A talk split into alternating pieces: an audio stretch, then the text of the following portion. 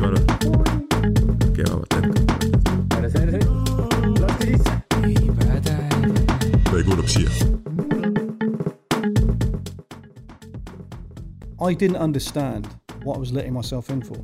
What do you think you've joined? You've joined the commandos. You can't do that. No, I, I've been trained for it. I know I'm good at it. You never finished training. We thought we knew everything. Dear listeners, welcome to the official Estonian Defense Forces podcast, where we discuss all things rela- related to military. I'm Private Jan Jölet, and uh, with me behind the microphone today, we have a man with way too many titles to his name. But in short, it's Alan Christopher Shepherd. Welcome to the show. Yeah, nice to be here. First off, I'd uh, we spoke to uh, with email uh, before coming to the show, and uh, you said uh, you'd rather uh, uh, say Chris rather than Alan. Yeah, Chris. Yeah, Yeah. Chris. In fact, my, my name actually is is uh, Christopher Alan Shepherd. Alan is Oh. my grandfather's name. oh, it's backwards then. But uh, in Estonia, a certain, even on my one of my award certificates from the president many years ago, it was Alan Christopher. And at the time, I didn't understand. Okay. apparently, it's, it's due to some you know old vintage way of saying things. Alan's great. I mean, that isn't my name. But uh, I, I, I like to be called. I don't like to be called Shepherd either, or any other rank or whatever. Chris to everybody. That way, anybody who's talking to me can feel comfortable. And I'd like to think I'm very approachable and also I can talk to anybody regardless of who they are because that's why I came here to talk to people, to listen to people as well. Yeah. So I'm Chris, and uh, you're Jan, and uh, one of the things that um, drew my attention, and maybe it was a good omen, because, and I've been there recently, which is Plymouth in England, and uh, the people there, the nickname is Jan, and if you come from Plymouth, Oh, it's a nickname. it's Jan. Yeah, it's a, it's a local name. Okay. Uh, so I thought that was a good omen. So maybe that tipped the balance because, as I said, um, and why a lot of people, especially the new generation, won't know about me because I, I keep a very low profile. Yeah, we can You see. know. Yeah. It's not about me. It's not about me. It's, it's never been about me. It's been about the job, the military, and how I was brought up to assist. Yeah, we'll get to that. But uh, for an introduction, then, uh, Chris does have an extensive military career behind him. Uh, he was he has served in both the British and the Estonian military, with a real world combat experience. But uh, his contribution to both these militaries is uh, immense in scale. Uh, he has trained Estonian troops for uh, many years, and he has yet to stop tran- uh, transitioning into the Estonian Defence League. Uh, we're going to talk all about his service, uh, contribution to both militaries, where he came from and where he is now. So, uh, as you said, there's rarely you keep a low, uh, low profile as well, and there's rarely a lot of information about military personnel uh, available on the internet. So, uh, in regards to that, what was your earlier life like? Where did you grow up, and uh, what sort of upbringing did you have? Okay, yeah. Well, I was actually um, born in Wiltshire, England. Um, and as a good reference point, um, historically, uh, it was Salisbury um, is the main city that I lived close to. And my father was born in Farwardine, which is a very old, typically old English village, um, which is very close to Stonehenge Oh, as is Salisbury. And apparently, the people who originated from where my father lived were the people they think, or certainly the people who lived in that area, actually built Stonehenge. So, and it's these things that I didn't really appreciate at the time was when you walk past it every day. Um, but I actually took my wife to Stonehenge. She was fascinated by it. So I actually did a bit more research on the place because it was just on my door. So I was born in born in that Wiltshire area, which is also Salisbury Plain, what's known as Salisbury Plain, which is the training area or a large training area for the British Army. And um, you could argue, uh, because the irony is, I'm, I was not in the army. I was actually technically in the navy Yeah. because I was a marine. Yeah, it's Yeah. same same with the You know, United States. So, yeah, and, and in fact, it, was, it worked out really well because I knew I wanted to be a soldier, but I didn't want to be in the army. And maybe that was because I saw all the army in the area. Um, and it and it and it wasn't until I saw the Marines visit my school. I think I'll I'll mention this later.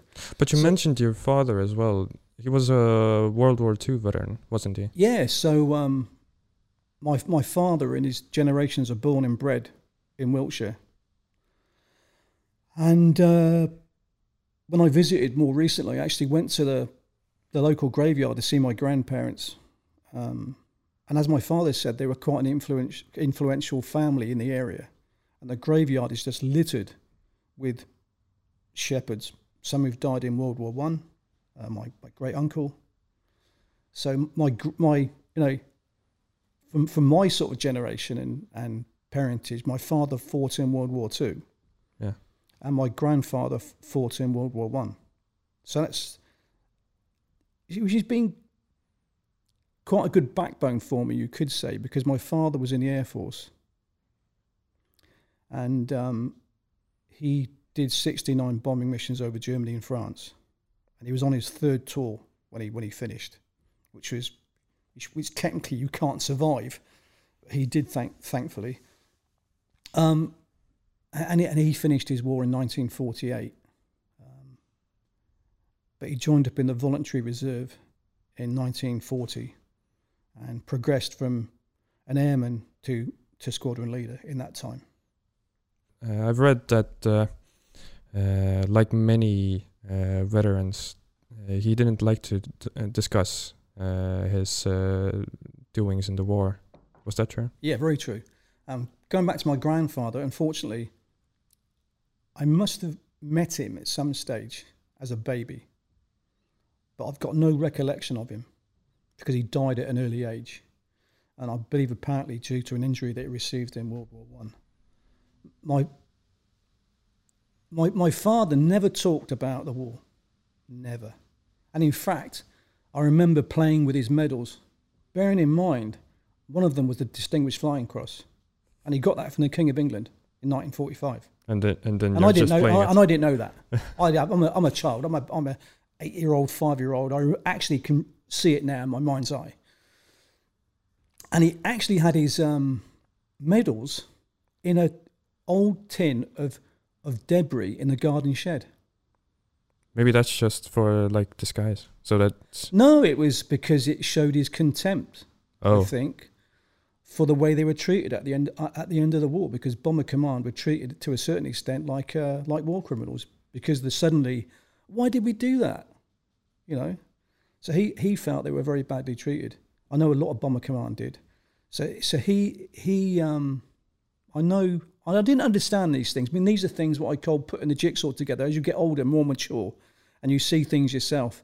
So so he literally buried his past for a number of reasons. One another reason was he lost so many friends, and and it, and it he wouldn't have a photograph taken of him because every photograph, group photograph that would be taken in the war, in two weeks' time, most of them would be dead. So he considered it like a a bad omen to have a photograph taken because it meant you would die. So his his little talisman was not to have a photograph taken. And uh, I found this out later. Um, no, my dad don't. And he's no, I'm not having a photograph taken. And I try and take a photograph, and he'd, ste- he'd step out of the of the of the shot. Uh, only when he started to get into late sixties did he then, when he had you know the grandchildren are growing up, and he he mellowed, you know. Um, and I'm I'm just shooting from the hip now. There's things that are you know coming to mind with this.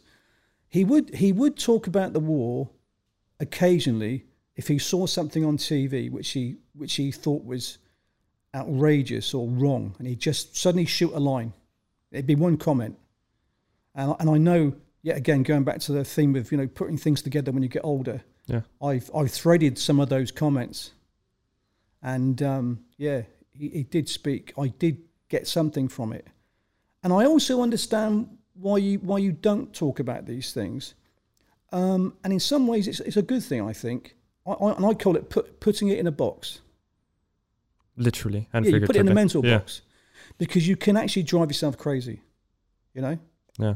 I actually asked my father to to write a book about his experiences, and he absolutely said, "No way, Just turned you down. no way." He got quite angry Oh, because, I, and I understood later, because he didn't want to talk about things which would upset him so much, because it was a very upsetting experience. And if I if I just you know put it, you got some great friends in this building. Yeah. Well, next week, eighty percent dead. that's pretty miserable. You get you get another eighty percent come in. Two weeks after that, same same. And then it comes down to six weeks later. You're the only person that you know was a, that is alive from two months ago. So another thing that I noticed, he wouldn't make friends. Just on that reason. Yeah. In fact, he told me I wouldn't make friends because um, you lose them. Um, I think one of the positive things, you know, now I'm drawn into it, is that it, it made him a big family man because he was very close to um, a large family. And they were his complete main effort his entire life. And he didn't really care about anything outside of that, you know. Um, and the irony is, he was actually a very gregarious character. And I know he met some of my friends in the corps, and they loved him. They said, "Well, God, he's got so many great stories. He's such a character." But he never showed me that side. And I- and I know, as I know at work, he, you Yeah. know, he was um, very well respected. Um, so he wasn't a loner, but uh, he, and I, I, I think I sort of get it, you know, because I love friendships, but to lose a friend is a very painful experience. And I think, you know, if you're going to lose lots of friends, it's going to leave lots of, uh, going to leave a scar on you. And uh, that's the way I sort of rationalise it now. You know, um, of course, he, he died not that long ago. Actually, lived to ninety six. Yeah, almost 100. Um, he would have been one hundred and two this year. Uh, so he died in ninety six. No, sixteen. Sorry, twenty sixteen. He died. Um, I've, I've I've actually read about this and heard people say, you know, when your father dies or your parents die, you you you wish you had asked them certain things or told them that you loved them and those sorts of ideas.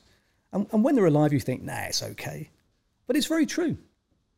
And, and I and I and I know that um, I made a point of telling my father I loved him. Um, last time I saw him. But you know what? It's scary because he was also scared of losing me. And also, I think, scared that if I loved him, I would be hurt when he died. So he tried to, to be very blase about it. And certainly with that generation, they didn't use the word love or show their emotions that often. Even my mother. Although towards the end, the same thing. I love you, son. Um, and of course, another thing about being in the military, um, I, I left home at 17 years and 13 days.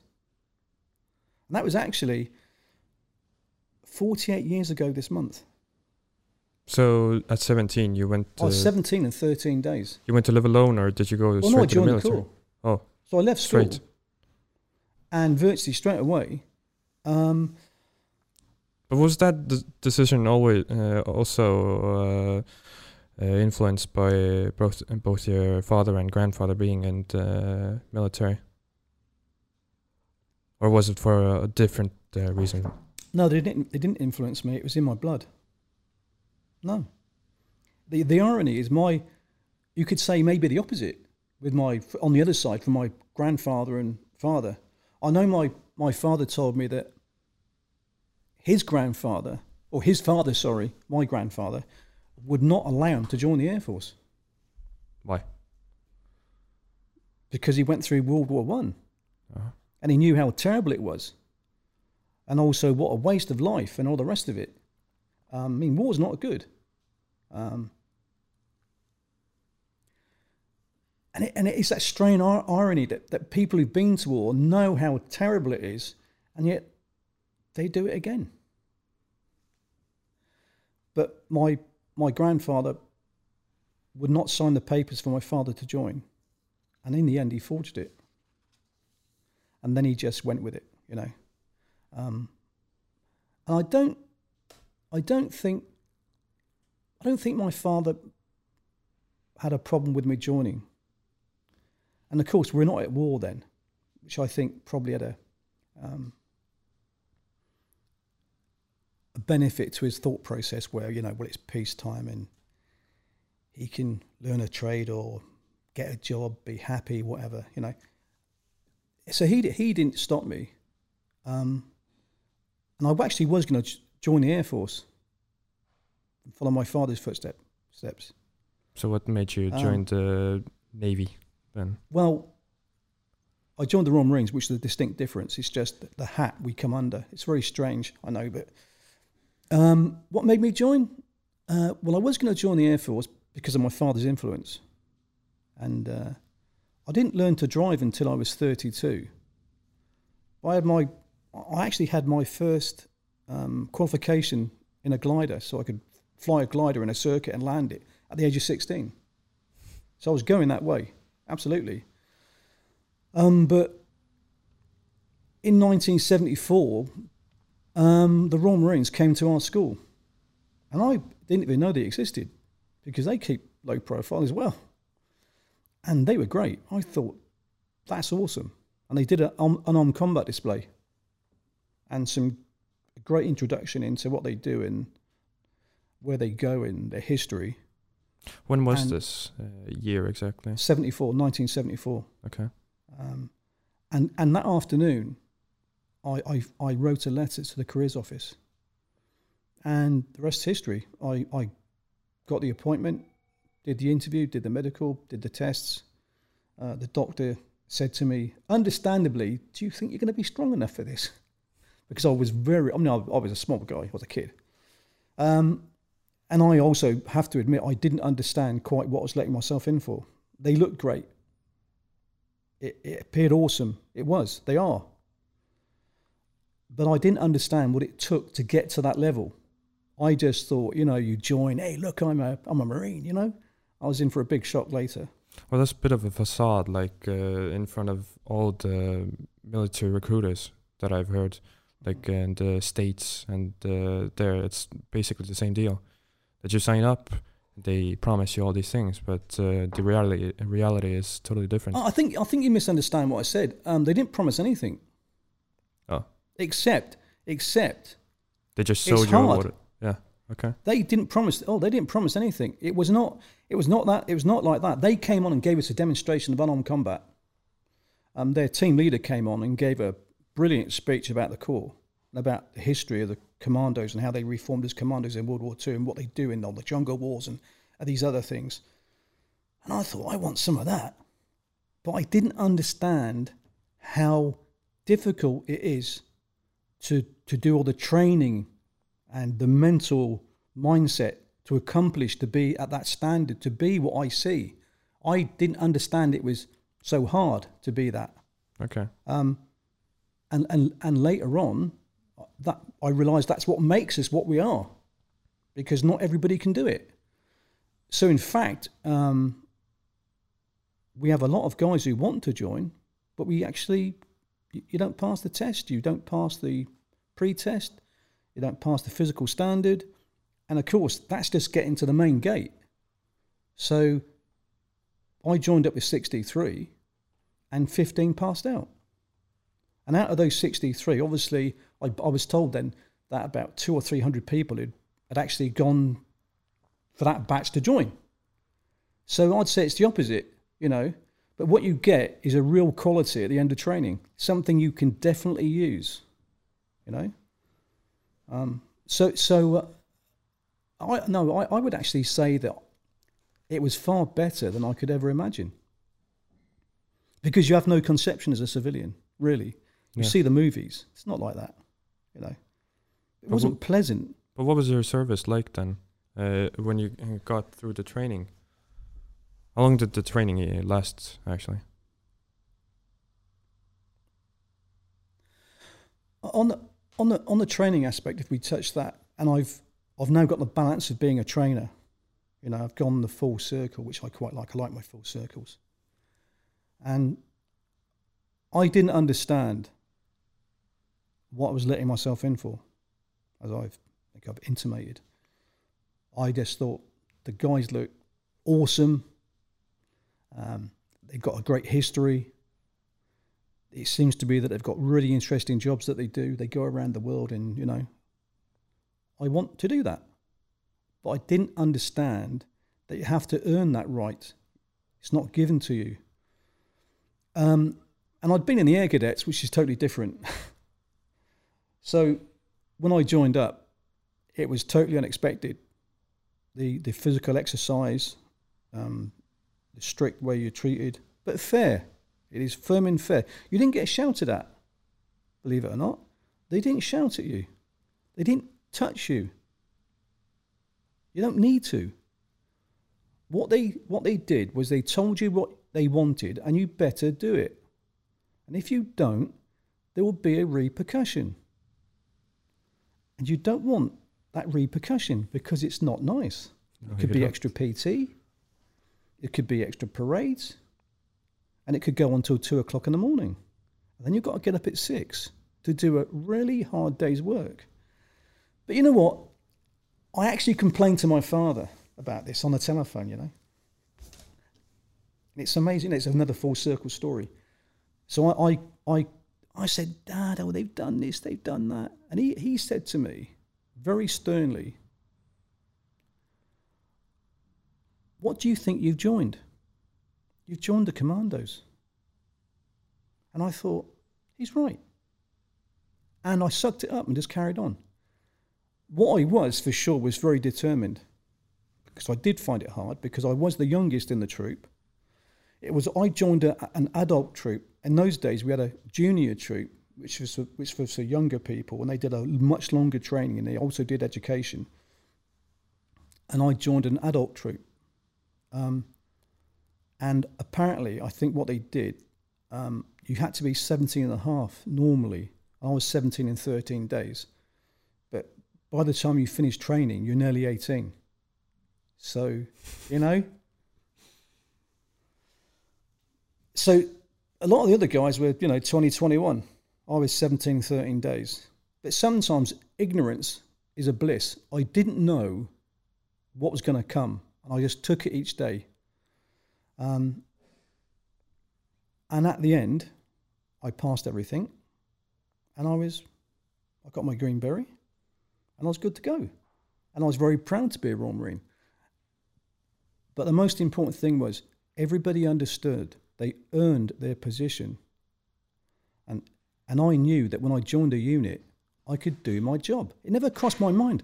Oh, I can't do that. No, I, I've been trained for it. I know I'm good at it. You know and it gives you that confidence, you know. But there's, there's a difference between confidence and uh, cockiness and arrogance. Yeah. We don't like that. Just do your job, do it well. That's normal, you know. But you better do your job properly. And of course, the other takeaway is when you finish training, a lot of people make this mistake, especially you know from the civilian perspective. When I finish training, you don't finish training as I mentioned in one of my articles, Yeah, that's my what father, father did said. say to me, Yeah, and he actually said it very harshly to me you never finish training. And he did mention, yet again, in one of those rare comments, he said that in between operations, they trained. And they were quite happy to train because it could save their lives. Because, because um, training hard and knowing it might give you that extra edge to survive uh, is a great impetus to, to giving, you know, that putting that effort in from yourself, you know? So I finished training, joined my first unit, and then I started to meet even older people, more experienced people. And uh, I met, and it was was quite it was intimidating. Yeah, it was intimidating, and so it should be And to get to understand the situation and also you can learn still a lot, which is not in any book from these people. Um, I'll give an example. The RSM had fought in Korea at the Chosin Reservoir with the American Marine Corps. Um, I had the pleasure of having a corporal, which is a squad leader, which is not a, an easy rank to attain in the Corps. As a squad leader, and he'd um, finished training and went straight to straight to Suez in 1957. And he actually told me that some of his squad mates were killed. Um, the troop sergeant had been in Malaya. Um, So it's all these. all the younger guys had been, or younger guys, but had been in Northern Ireland. Um, some guys had been in a multiple of places. So, but they never boasted about it, and they didn't use it in any, in in any, in any way to put you down. But you just thought, wow, you know. But they would just occasionally just give you a word of advice, which they'd learnt by experience, you know. So I, so I, I always, and I said when I got older and had that experience, you haven't got to go to war to be a good soldier. You haven't got to go to war to be trained. And going to war does not train you. Um, what it will do is, if you are well trained, it will give you that what I call the X factor. And it's nice to know you can do your job under fire. But apart from that, it doesn't make you anything different. You know, not from a not from a trained soldier's perspective. Um, apart from the if you've been trained properly, because the other side of the coin is if you've not been trained, you have to learn under fire. And then I do agree, you become a better soldier, but you've learnt the hard way, and you may not have survived, and some of your friends may not have survived because they were not trained properly in the first place. But you learnt the hard way, and I think that's happening nowadays um, somewhere quite close to us. And also, I don't want to digress too much, but I have had arguments given to me when I've insisted upon we train properly. It's okay, we'll learn quickly. Well, why do you want to learn quickly and lose half your guys? Why don't we do it now? When it's blank ammunition, you know. And that's what I was brought up on: train hard, fight easy. So I know when I went to my places, which is what we call a two-way range, is the older guys would say this: "Yeah, it's a two-way range," which means they shoot back at you. Um, I was confident, which comes through training, hard training though. At the two-way uh, two-way range, what what was that exactly? Okay, um, it actually goes back to the comment I made about some of the older soldiers who've been in operations. Because on a range, you know, you shoot and they might mark the target, and this is where you hit the target.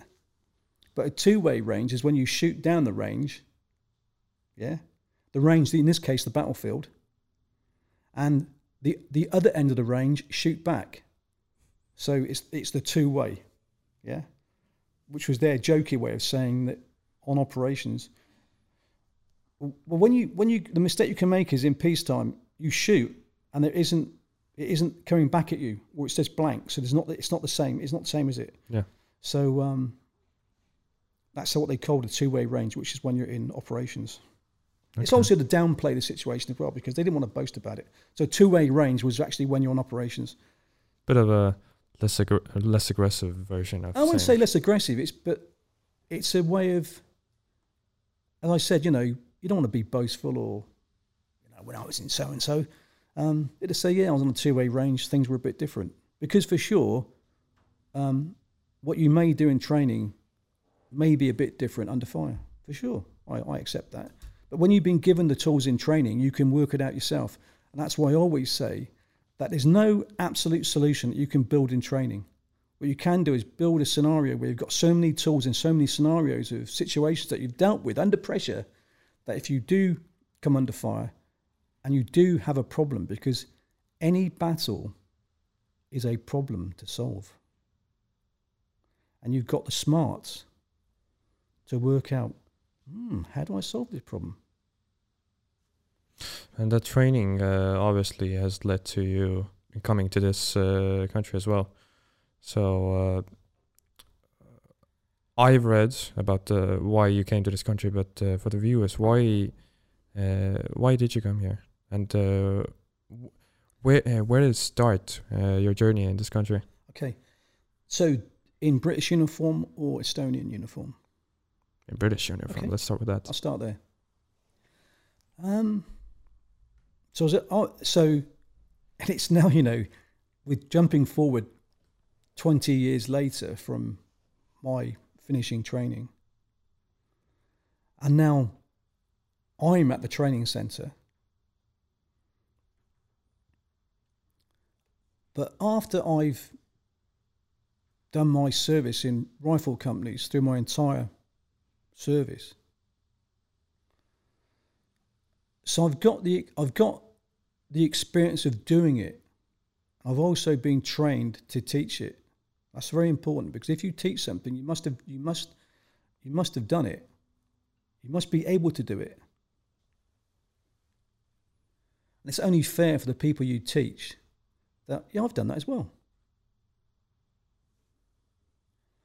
So I really enjoyed that later on in my career, I became a you could say, well, it's a a platoon weapon instructor, which is teaching weapons and tactics, and it's it's our main, it is our infantry instructors branch within the Royal Marines. So, I had the privilege of of training Marines, um, and and the British Army to be Army commandos, and I, eventually I was on the NCOs and Officers Training Wing, and at that time I got asked. Um, we're forming a team in Latvia. And I'm like, where's Latvia? But, you know, I said, yeah, I'll, I'll go for it. Yeah, let's go for it. You know, why not? So I found out where Latvia was. Um, I asked, I asked our boss, I said, so what are we going to do? What are we going to train people? Who are they? Don't know. Okay. We're going to get out there um, we're going to put our training package together. We know we're going to train platoons in the rifle company. That's that's we can do that. So regardless of who they are, we do it. So we haven't got to know anything else except we've got people, we've got bums on seats, we've got people to train, and we're going to train them um, to be members of a rifle company at every level, and eventually we're going to train them to train their own men. That's the full circle we're, we're a great believer in not only planting the seed, but the seed must grow and they must do it themselves. And of course, our role would then be supervisory. Um, but that was for a, a, later date. The most important thing was we had to get out there and find out who they are. Um, I'm, I'm trying to talk from the mindset now of, of how I felt then. Yeah. Um, because it was just former Soviet Union and there was, you know, I've been around the world, but I've obviously not been to the Soviet Union, and um, and there's a lot of, you know, preconceptions or misunderstandings, and we had no, and also we just didn't know. So we're going to train former Soviet soldiers. There's a bit of a running theme with you as well, just saying yes to everything. Um, just yes, let's yeah, go with that's it. a good question. That um, I'm not going to say yes if it's jump over a cliff, unless it's one person in particular I would follow to the ends of the earth. I'm thinking of that person now as a leader. But if it's a difficult or unusual situation, I'm going to say yes rather than no. So I think taking taking and accepting the hard option also goes back to our ethos, how we're trained, how we're brought up, and certainly how I feel that if it is harder, if it is difficult, I'm drawn to it. I've got to know. I've got to do it. I cannot. I cannot say I cannot. I will not. I can. I'm going to try. I'm not going to say I will succeed, but I will try my best. So and it's the same was for this podcast. I don't. I didn't want to do it, and I won't know until the end. And reflect upon it. Did I do the right thing? But I did know this: if I don't do it, I will think after this date, I will regret it because I don't know. I don't know. So I think to attempt something and to fail it is better than not attempting it. So yeah, I, I do tend to go for yeah, yes, and that's actually how I ended up um, being loaned to the Estonian army, which I'll come to later probably. Yeah. I just got asked, "Would you be loaned?" And I, yeah, okay. Um, let's let's go there later. So Yeah. so um, in a nutshell, we put a team together. We knew we were going to Latvia, which is close to, which is now pushing. Well, it was former Soviet Union. Bearing in mind, this is 1994. Wasn't that long after? Um, and I have to admit, I thought this is great. This is really exciting. You know, wow. You know, and I and I tried to envision what it would be like, and I couldn't. It's the first first time in my life I couldn't couldn't imagine what it would be like. So after we put all our materials together and we worked up as a team, we've been given our tasks.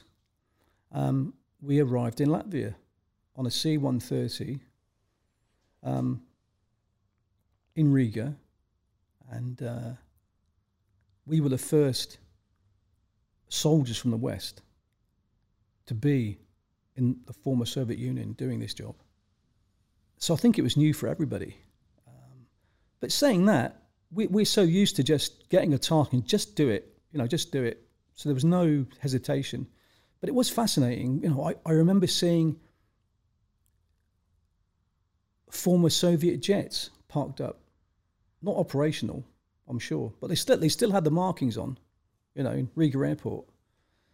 Um, even when I came to Estonia in the early days, the cemetery next door, when you walk in it, all the um, former or the Soviet graves of pilots had the had the wings as the headpiece. Did you know that? I didn't. Yeah, it, it was it was fascinating. You know, Ac- Um, the actual uh, the actual wings. the actual. I think I think it must have been part of the.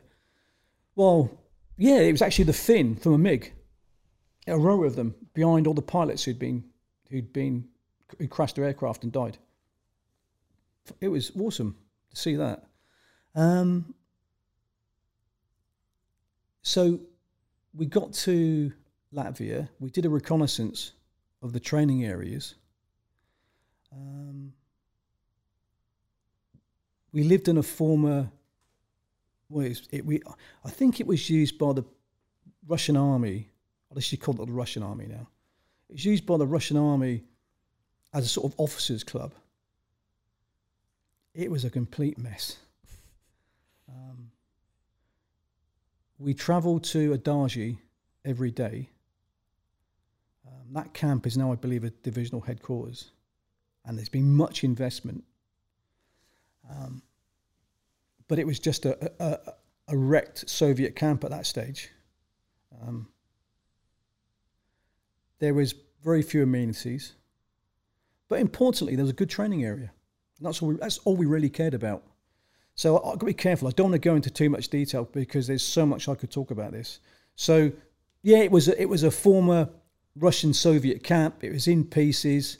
It'd been sabotaged. Um, so the sewage and the water system mixed. You know, which actually didn't do us any harm. Thank, thankfully. Um, we met the three Baltic countries in the new year. Um, they'd been doing English, they'd been doing English language training um, before this. Their English language wasn't too good, but it never presented a problem. Um, I, by chance, had the Estonian platoon, and then we we trained them from from the from the first step, you know, from how to use their AK forty sevens, um, individual skills, section skills, platoon skills. Um, that took um, six months. We then did um, some courses which we had to shorten to teach them how to instruct. Uh, that for everybody was a really fascinating experience. But how diff- how different was it uh, instructing foreign soldiers rather than British soldiers? Was there a big? D- uh, you mentioned that the English lang- language wasn't that much of an issue, but uh, there must have been some barrier still. I didn't. I didn't find. Um, I didn't find any issues, and I've trained other foreign armies. If you've got a task and a skill to teach, um, for sure, some some some countries have a slightly slightly different mentality, you know. But when you've got a skill and a standard, you know what you want, you know how to deliver it, you know what you want back. So I we just approached it as you would train anybody. So it's not about the British or the Estonians. It's just about a person, you know.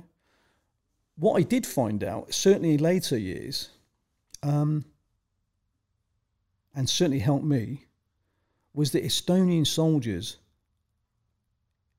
if someone put a gun to my head and, make, and forced me to make this comment, I'd say, yeah, the Estonians learn quicker. Yeah, they do. Estonian soldiers learn learn very quickly, you know. Um, so that was of great benefit. Um, but apart from that, there was no no particular problem. I think in the early days, maybe, and you'll have to ask the Estonians this, they may have had a slight slight problem because, um, and I reflect upon this because one of them said to me many years later, um, we thought we knew everything. And uh, very quickly, we realized we knew nothing. And importantly, everybody who I've spoken with, and we have bec- became, I'd like to think, very good friends over the years, um, they said they really enjoyed it. So though it was hard, they said it was the best thing they did in their lives. You know? Because it's hard doesn't mean to say it's not enjoyable. Because every Friday they felt they'd learnt something that week and they, they could feel themselves grow as we did them. And I, so we felt good because we could see how different they were becoming. Certainly in the early days, and I can see the picture in front of my eyes now, when um, my first class assembled for some weapon training. And I know they were bemused because we're British and we're teaching AK 47 these guys had been in, in, the Soviet army. Most of them, most of them had been. Most of them had been former Soviet conscript soldiers. Um, so they thought the AK-47 was, you know, we we're good to go, um, and they realised they were not. You also mentioned that uh, over the phone that you don't like the word conscript. People have used the word conscript to me, um, who have been quite senior people. Ah, they're only conscripts. When I've tried to explain why you need absolutely correct training, are there only conscripts? And I, I, felt that was an excuse not to invest themselves properly into conscript training. Oh, they're so such a small thing. It's easy. Anybody can train conscripts. Yeah, just conscripts. So that's why I don't like the word conscript. I cons, what is a conscript? A conscript is a citizen soldier. It is it is an absolute cross section of of Estonian society, which is a very good, intelligent society. So I absolutely think conscripts are great. But the word conscript. But the word conscript itself, I don't like because yeah. it's been used to put put people down, a certain group of people down. It's been used as an excuse. And that's why I don't like the word. I, I prefer um, citizen soldier. Yeah, it's a bit of a... That's, that's my personal, that's my personal view. Yeah. Um, and the irony is, when I was training guys for missions, um, I mean, I actually, when I was training guys for Iraq, towards the end, literally every single rifleman was a conscript former conscript soldier. Well, they were a conscript soldier who just finished their service and they signed a bit of paper, a contract, and that made them professional. technically, you know. And they joined me in Paldiski to do three months training. Um, they were great. I enjoyed training them. I, they are young lads, um, and they responded really well. But you have to teach them the right things, though. And unfortunately, I had to do a lot of reteaching. So know that I got I got no issue with conscripts. In fact, the reason why I actually came back because I felt it was my duty to, to help the conscripts.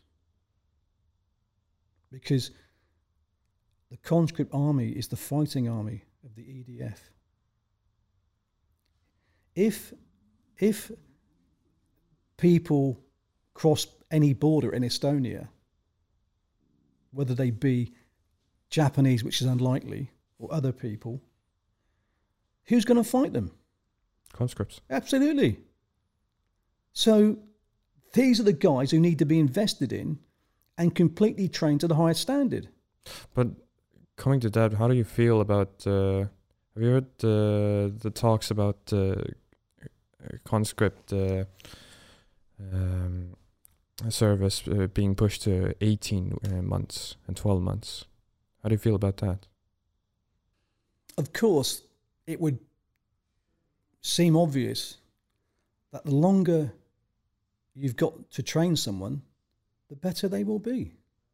And yeah, I I've got to agree with that statement under certain conditions.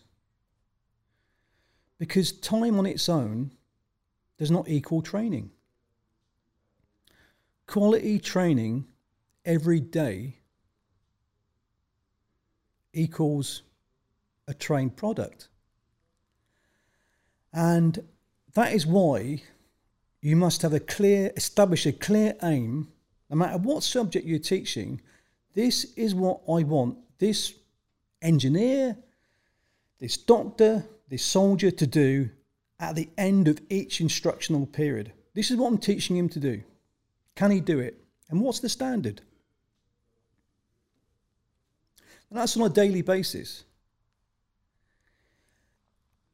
So if every day is quality training, it means every month is quality training, every year is quality training, every five years quality training. And as I mentioned earlier, my father said, You never stop training. I served for 24 years. I was still learning until the day I left in some shape or form. But I met General Kert when I was in British uniform. And I think this is why he asked me to change uniforms. I'd now been at the battle school for three or four months with then Captain Leo Kunnas who I strongly admire. A really brilliant patriot, so determined to do well for the Estonian Defence Forces and his country. I'll always admire him for that. So we went to see General Kert after I'd been on loan now to the Estonian Army for three or four months. Bearing in mind before this, I'd been with Estonian, Lithuanian, and Latvian forces for well over a year. So, combined with this, I had a really good understanding of what was going on. Because also, as I was training people, or trying to find a platform to train people in the battle school, I would talk to them. And also, when you train people, you have to assess what they can do. And I learned very quickly there's lots of things they supposedly could do which they couldn't.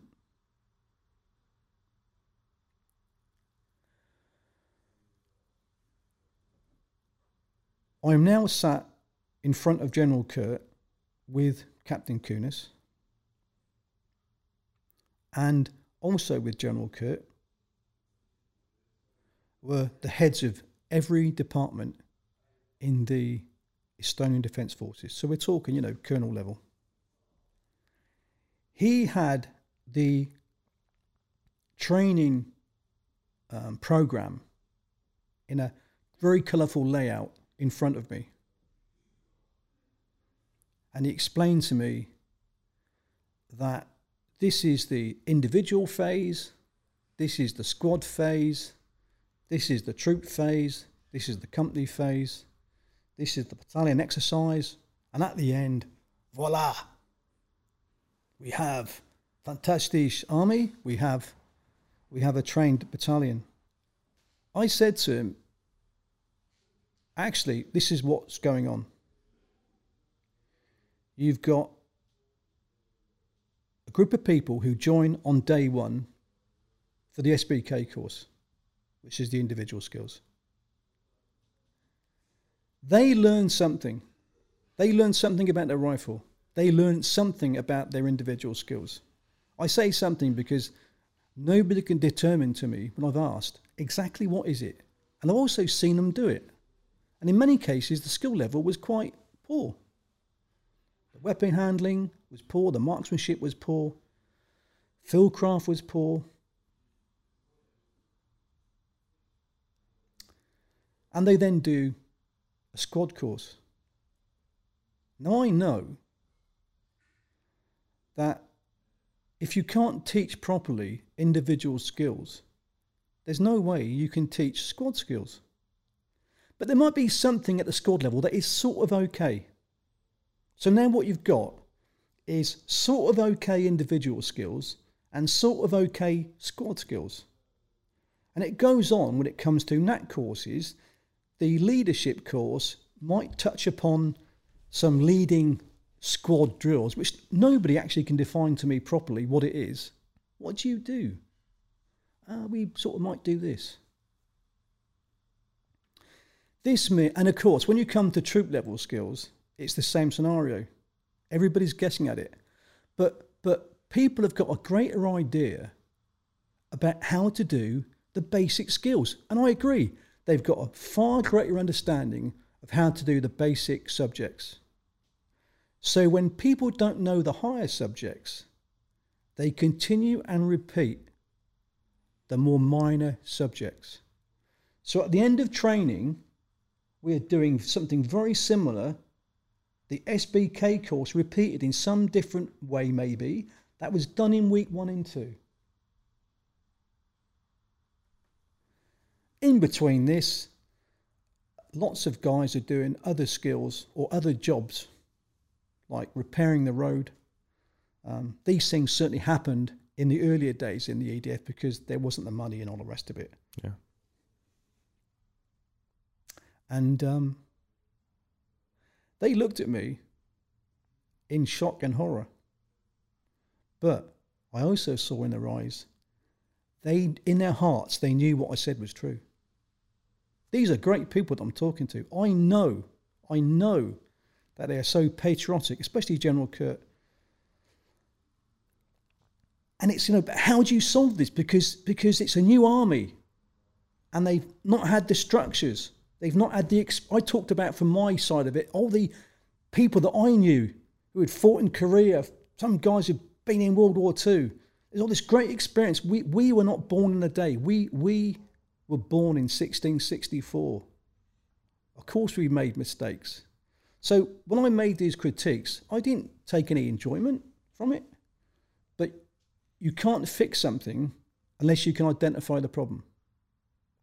And so when you talk about time, if we do that same course, even today, if the course is even, I'm sure it's improved. I know it's improved, but I'm, I know that it, there's still many problems with it. So I would actually say, don't increase any time in training until you've got this training sorted out properly. So you must have a standard. What is your end state? What do you need to get to the end state? We need these people trained to teach it to this standard.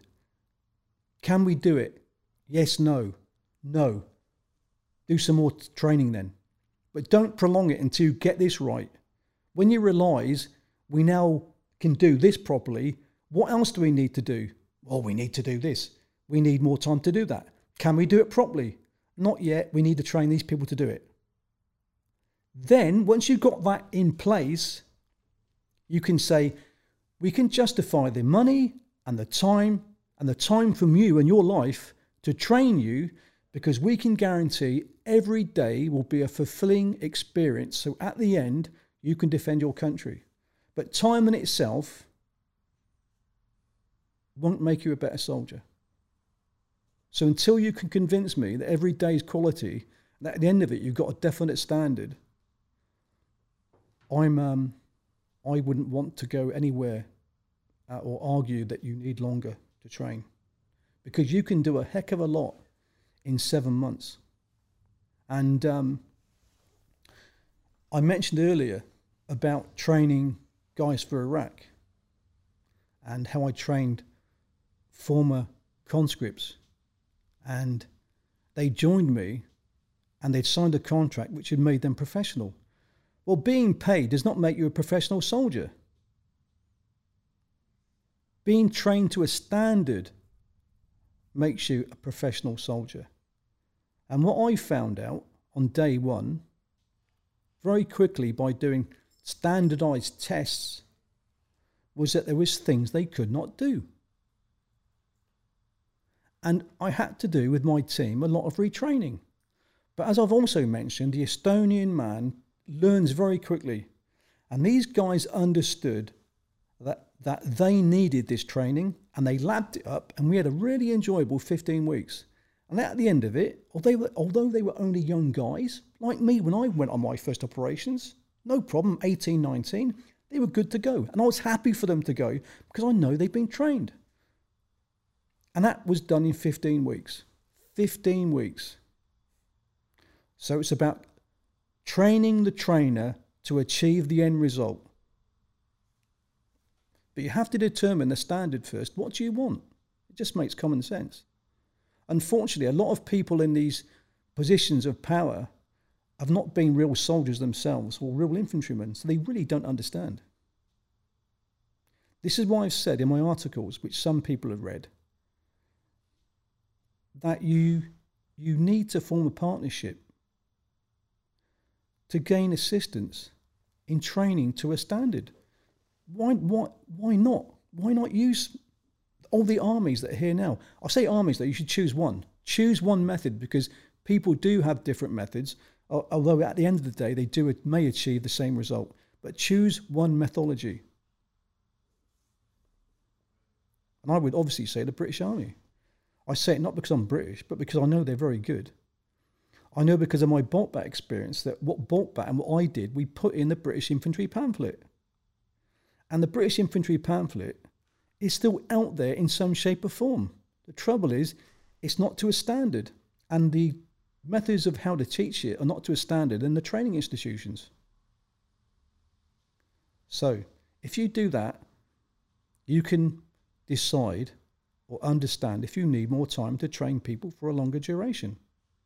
So it must be it must be quality time spent here, not It- just it longer be- time. It, long time in itself, time will not make you a better soldier unless your training is done correctly. Yeah. So that's my answer to that about time.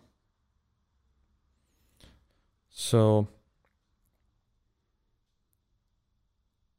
having having been an instructor for all these years and instructed so many different people, uh, why did you transition this year to the Estonian Defense League? I, th- I think um, the way to answer that is actually I, I've been working for the I, I transitioned some years ago Yeah. to that side. Um, although I I make no I make no difference between the EDF and the Kaitseliit because my my attitude is the same thing. They are soldiers who are going to fight the enemy, and I know some people, maybe many people, um, have made the same comment about the Kaitseliit as they've made about conscripts. Oh, they're only Kaitseliit. Well, yet again, the Kaitseliit is another large body of men who are going to do the fighting and also quite mature. I think they're a great asset.